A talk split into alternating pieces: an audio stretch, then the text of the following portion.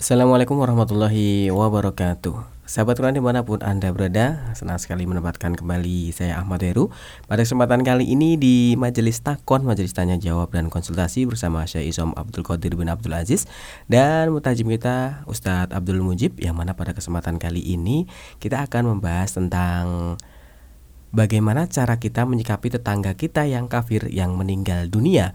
Apa yang harus kita ucapkan dan apa boleh kita ikut takziah? Dan bolehkah kita membantu proses pemakamannya?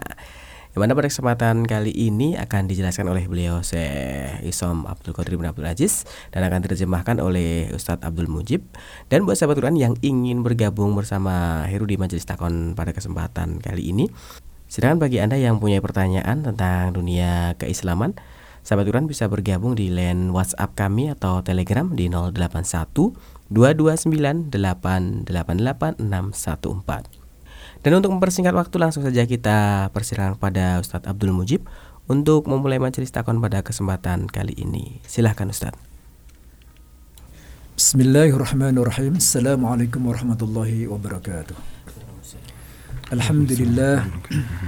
الحمد لله الذي هدانا لهذا وما كنا لنهتدي لولا أن هدانا الله أشهد أن لا إله إلا الله وحده لا شريك له وأشهد أن محمدا عبده ورسوله اللهم صل وسلم وبارك على حبيبك ورسولك سيدنا ومولانا محمد وعلى آله وصحبه أجمعين أما بعد Para pendengar Radio Ishkarima sekalian yang berbahagia, Alhamdulillah kembali berjumpa bersama kami dalam Majelis Taqan bersama dengan Syekh Abdul Qadir Abdul Aziz sebagai narasumber dan saya Abdul Majid Johar sebagai penerjemah. Semoga di mana pun Anda berada, senantiasa berada dalam lindungan Allah Subhanahu wa Ta'ala. Dan semoga kajian ini memberikan ilmu yang bermanfaat buat kita semua sebagai bekal kita untuk mencapai ketakwaan. Amin ya rabbal alamin. Para pendengar Radio Karimah sekalian yang berbahagia, Alhamdulillah telah selesai kajian kita kemarin pada judul yang sebelumnya. Sekarang kita membahas judul yang pertanyaan dari judul dari pertanyaan yang masuk yang pada hari ini yaitu judul baru. Yaitu bagaimana cara kita menyikapi tetangga kita yang kafir yang meninggal? Apa yang harus kita ucapkan dan apa boleh kita ikut takziah dan bolehkah kita membantu proses pemakamannya Mada yanbaghi lana an na'mal idza mata jarun lana wa huwa ghairu وهو غير مسلم. هل يجوز لنا التعزية؟ وهل يجوز لنا آه، المشاركة في دفنه؟ في عملية دفنه؟ جزاكم الله خيرا على حسن الجواب بسم الله.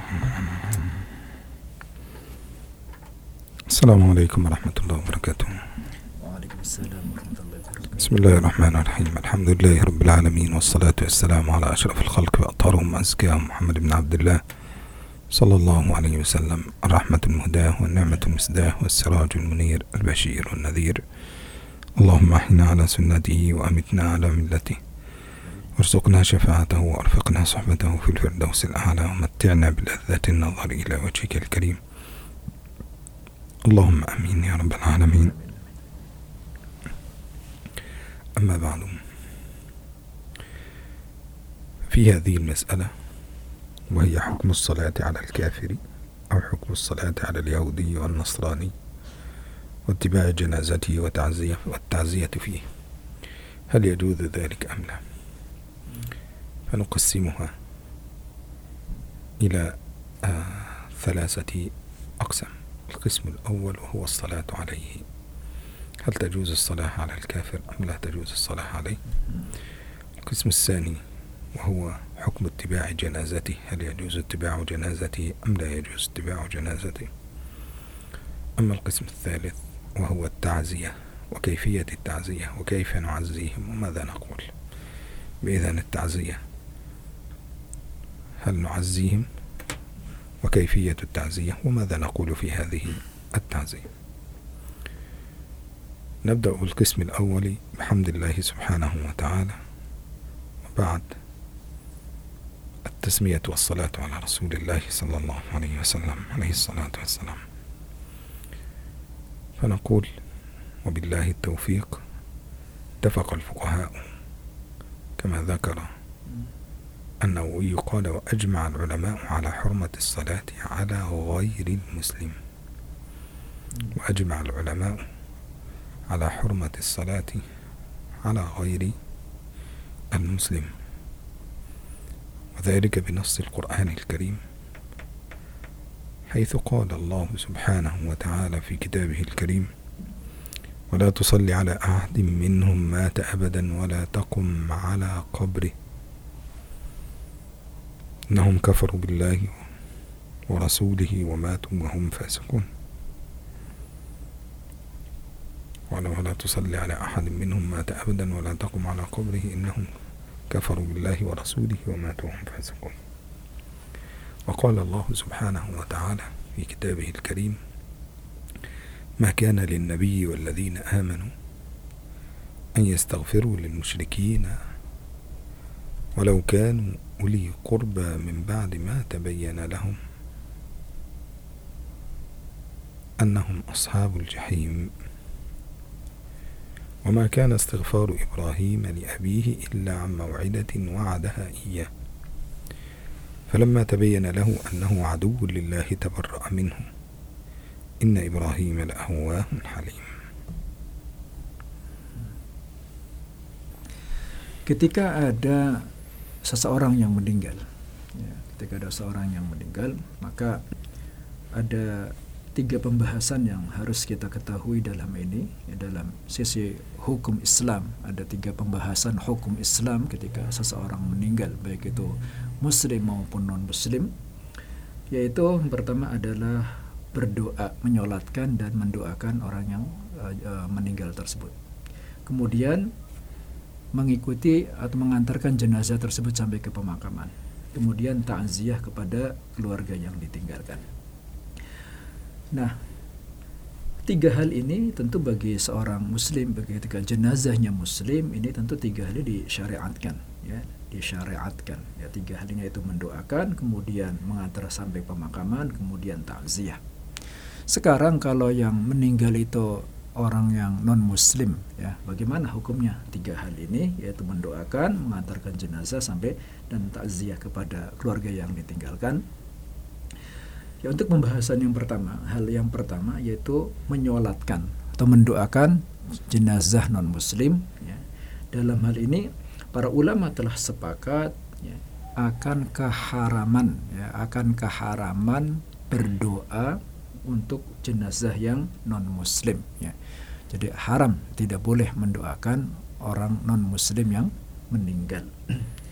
Dalilnya apa? Dalilnya adalah firman Allah Subhanahu wa taala ولا تصلي على أحد منهم مات أبدا ولا تقم على قبره إنهم كفروا إنهم كفروا بالله ورسوله وماتوا وهم فاسقون ولا تصلي على أحد منهم مات أبدا maka janganlah engkau ya maka janganlah engkau wahai Muhammad ada al-mukhatab ar-rasul sallallahu alaihi wasallam ya. maka wahai Muhammad janganlah engkau menyolatkan ya salah seorang di antara mereka yang mati selama-lamanya ya dikatakan mati selama-lamanya karena dia, dia tidak beriman mata abadau wala taqum ala qabrih dan jangan janganlah engkau berdiri di atas kuburannya innahum kafaru billahi wa rasulihi wa matu hum fasiqun. Hal itu karena mereka mati dalam keadaan kufurnya kepada Allah dan kepada Rasulnya. Hal itu karena mereka kufur kepada Allah dan kepada Rasulnya wa matu wa hum fasiqun dan mereka mati dalam keadaan fasik dalam keadaan keluar dari agama itu ya.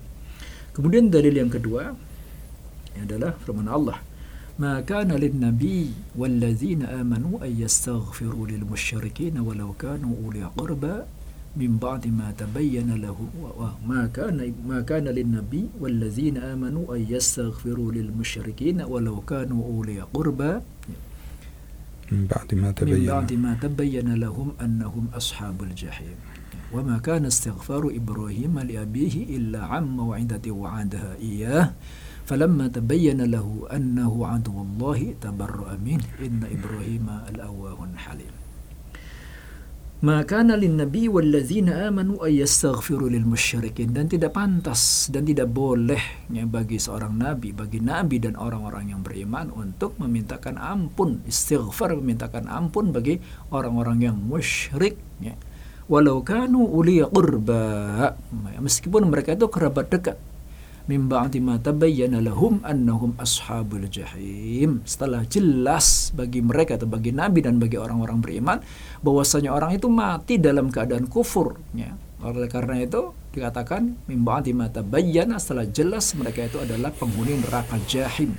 Hal ini kenapa? Karena jelas mereka mati dalam keadaan kufur wa ma kana istighfaru ibrahim li abihi illa amma wa'idati wa'adaha iya. Dan istighfarnya Nabi Ibrahim untuk bapaknya ya, adalah tidak lain kecuali karena memang sebuah janji yang pernah diucapkan oleh Nabi Ibrahim alaihissalam falamma tabayyana lahu annahu adullah tapi setelah jelas bagi Nabi Ibrahim bahwasanya bapaknya itu adalah adullah musuh Allah tabarra amin maka ia atau Nabi Ibrahim dalam ini berlepas diri dari bapaknya inna Ibrahim la'awahun halim sesungguhnya Nabi Ibrahim itu seorang yang uh, hatinya perasa ya dan seorang hati yang perasa dan seorang yang sangat lembut وقد نزلت الآية الأولى على رسول الله صلى الله عليه وسلم في قول الله سبحانه وتعالى ولا تصلي على أحد منهم مات أبدا ولا تقم على قبره إنهم كفروا بالله ورسوله وماتوا وهم فاسقون قيل أنها نزلت في المنافقين وقيل أنها نزلت في الكفار.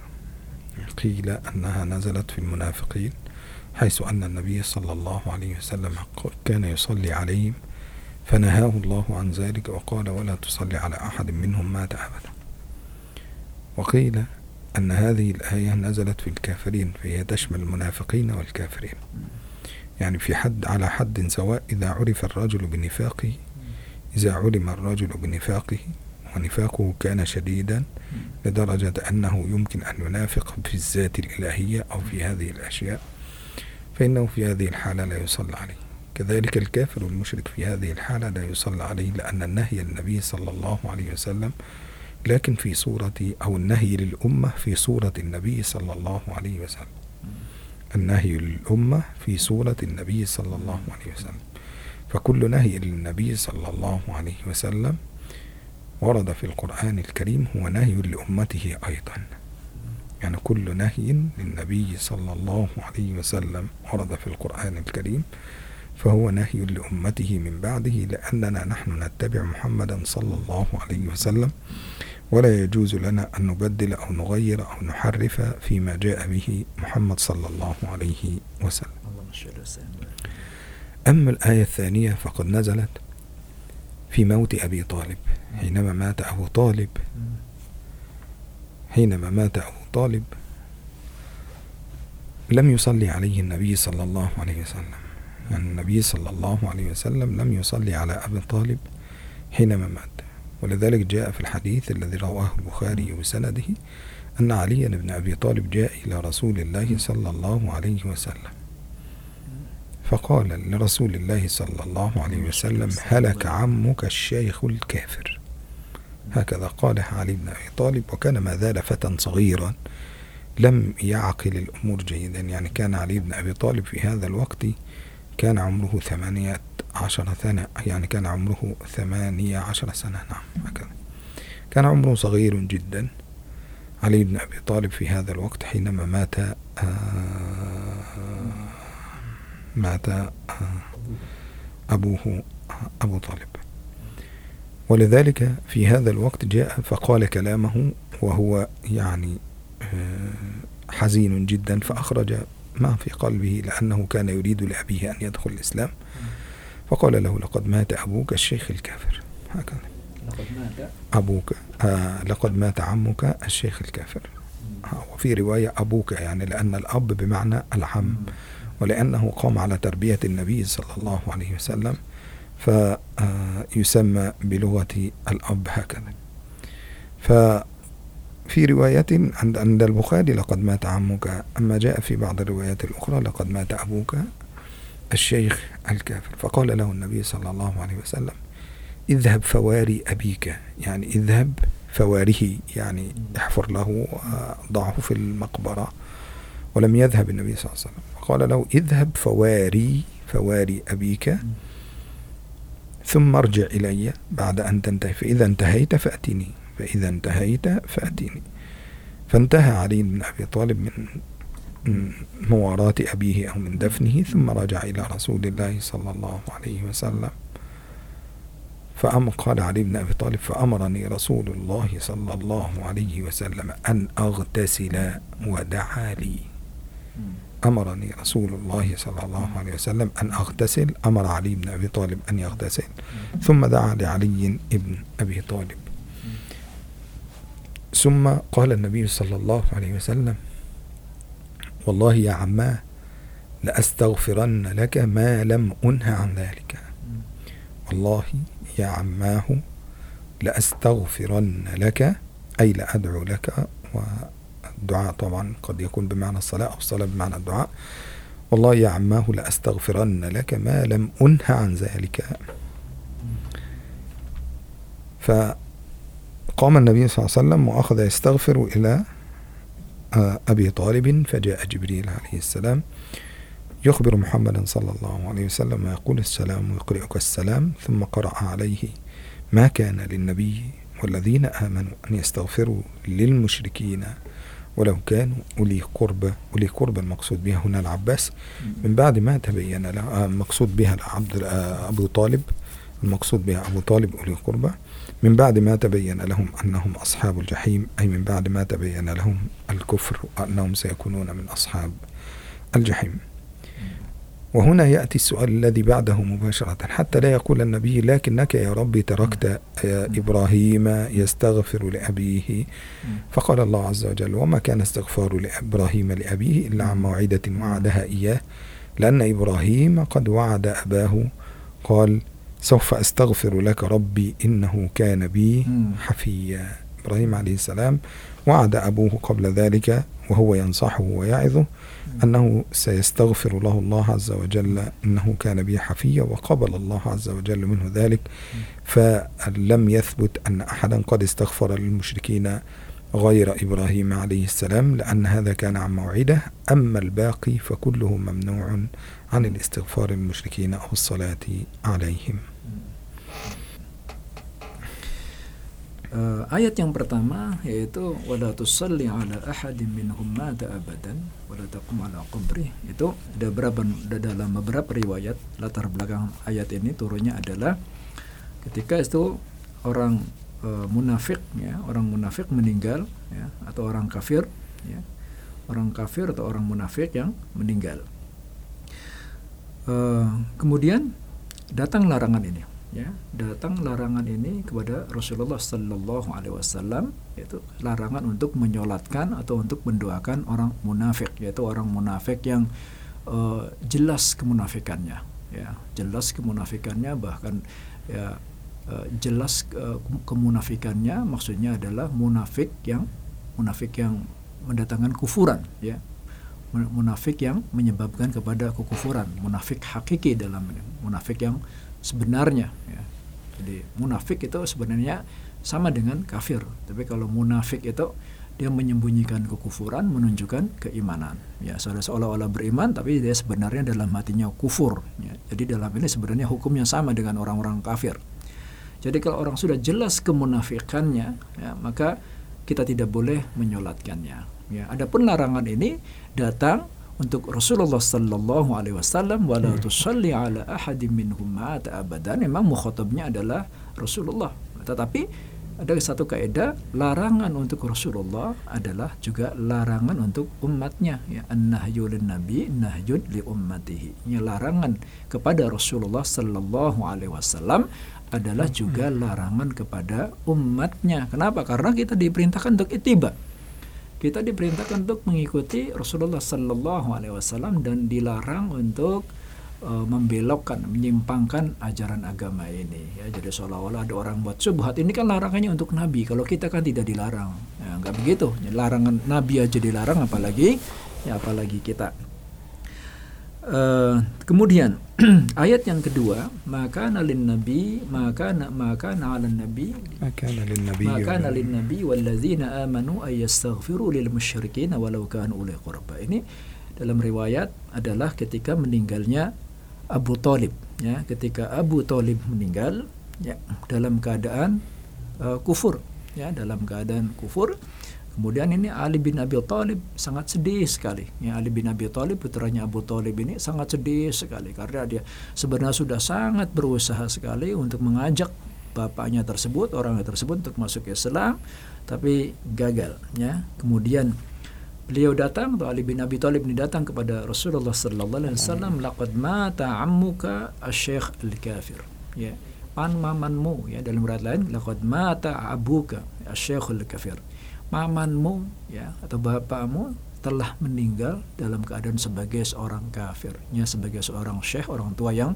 orang yang kafir. Ya sangat sedih sekali Ali bin Abi Thalib. Ya kemudian Rasulullah Sallallahu Alaihi Wasallam meminta uh, berkata kepada Ali bin Abi Thalib izhab fawari abika. Ya izhab fawari abika pergilah dan uh, makamkanlah ya kuburkanlah bapakmu gitu ya terus kemudian kembalilah ya semarji ilayya. Terus kemudian setelah selesai pemakaman ya kembalilah kepadaku ya. Kemudian setelah pemakaman Rasulullah sallallahu alaihi wasallam kembali memanggil uh, Ali bin Abi Thalib dan kemudian memerintahkannya untuk untuk mandi.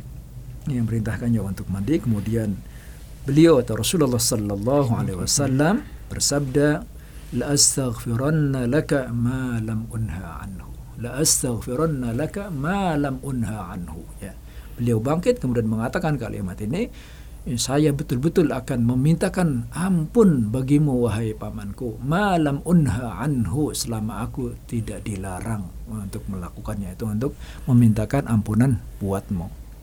Kemudian Rasulullah bangkit dan mau istighfar mau berdoa kepada Allah untuk meminta ampunan kepada pamannya itu Abu Talib Kemudian datanglah malaikat Jibril ya membacakan ayat ini. Maka na'alan nabi maka nalin nabi wallazina amanu ay yastaghfiru lil musyrikin walau kanu uli qurba min ba'di ma tabayyana lahum annahum ashabul jahim. Ya. Malaikat Jibril membacakan ayat ini kepada Rasulullah sallallahu alaihi wasallam. Kemudian Rasulullah bertanya kepada malaikat Jibril, "Loh, Nabi Ibrahim juga kan memintakan ampunan buat bapaknya, ya, memintakan ampunan buat bapaknya." Kemudian malaikat Jibril menjawab lagi mengatakan wa ma kana istighfaru Ibrahim li abihi illa amma wa'idati wa'adha. Iya ya. Itu Nabi Ibrahim itu memintakan doa buat memintakan ampunan buat bapaknya itu karena memang dia sudah berjanji ya. Sebelumnya sudah berjanji ya dalam uh, Al-Qur'an diceritakan ya ya.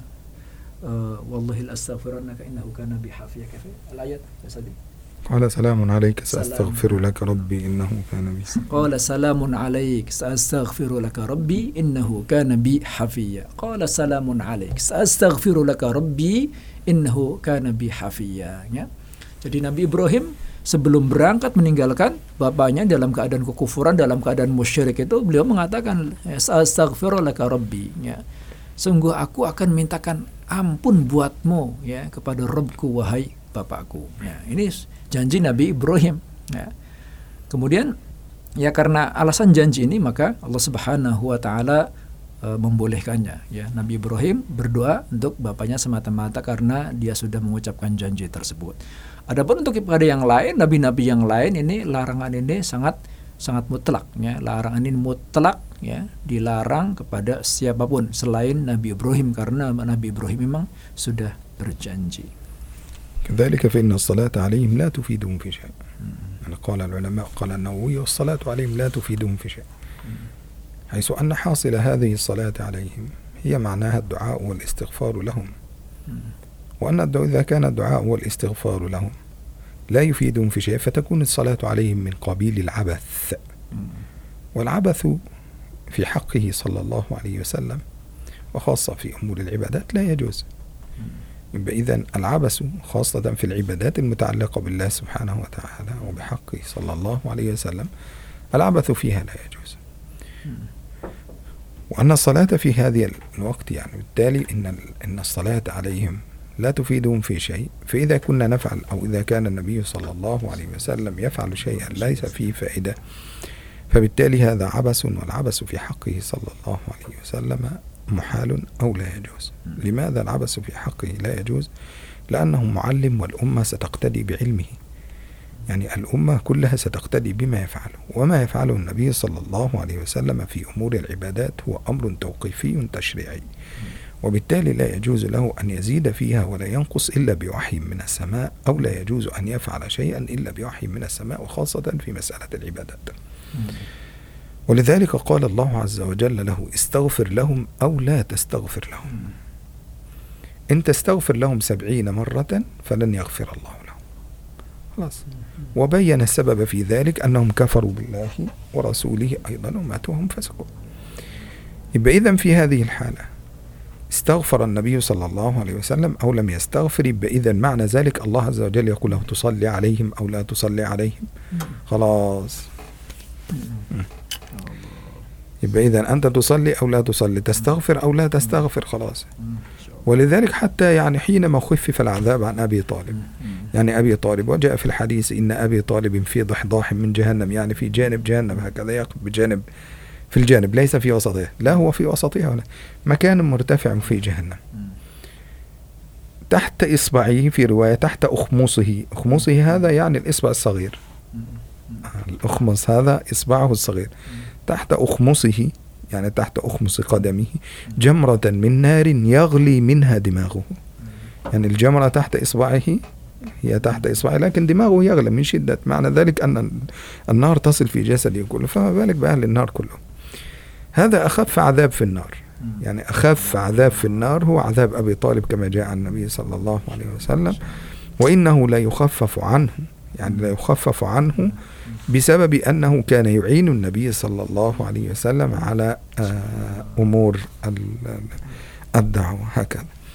يبقى إذا بالتالي لو كانت الصلاة تفيد لأفاد استغفار النبي صلى الله عليه وسلم لأبي طالب ولكن الله عز وجل قال استغفر أو لا تستغفر. يبقى إذا استغفر هذا على سبيل الإنكار. يعني هذا ليس على سبيل الإيه؟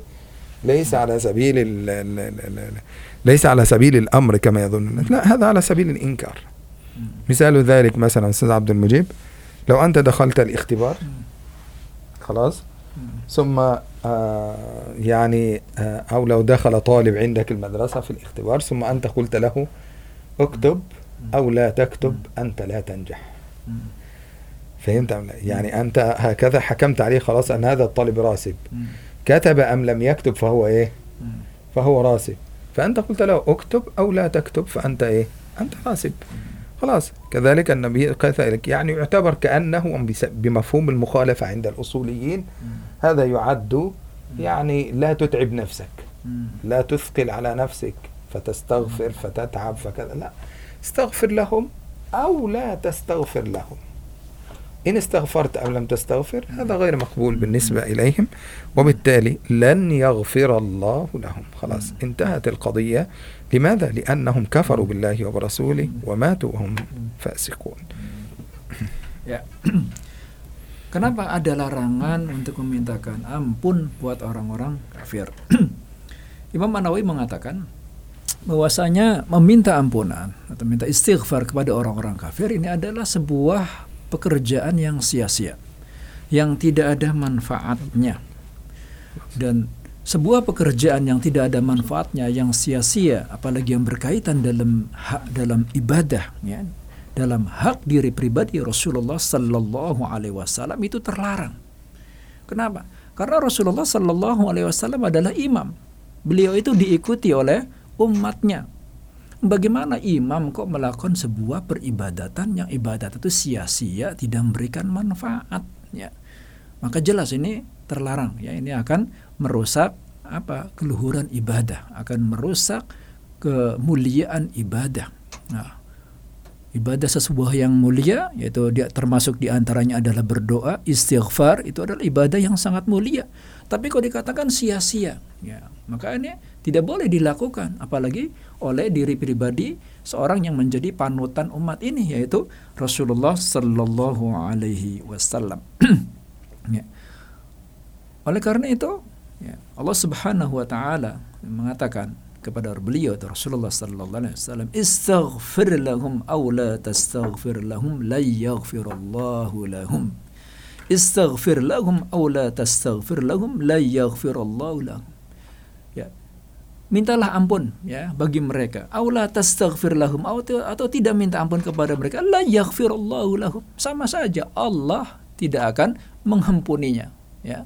Allah tidak akan mengampuninya baik engkau memintakan ampun maupun engkau uh, tidak memintakan ampun ya. Maka bagaimana ya sebuah yang jelas ya.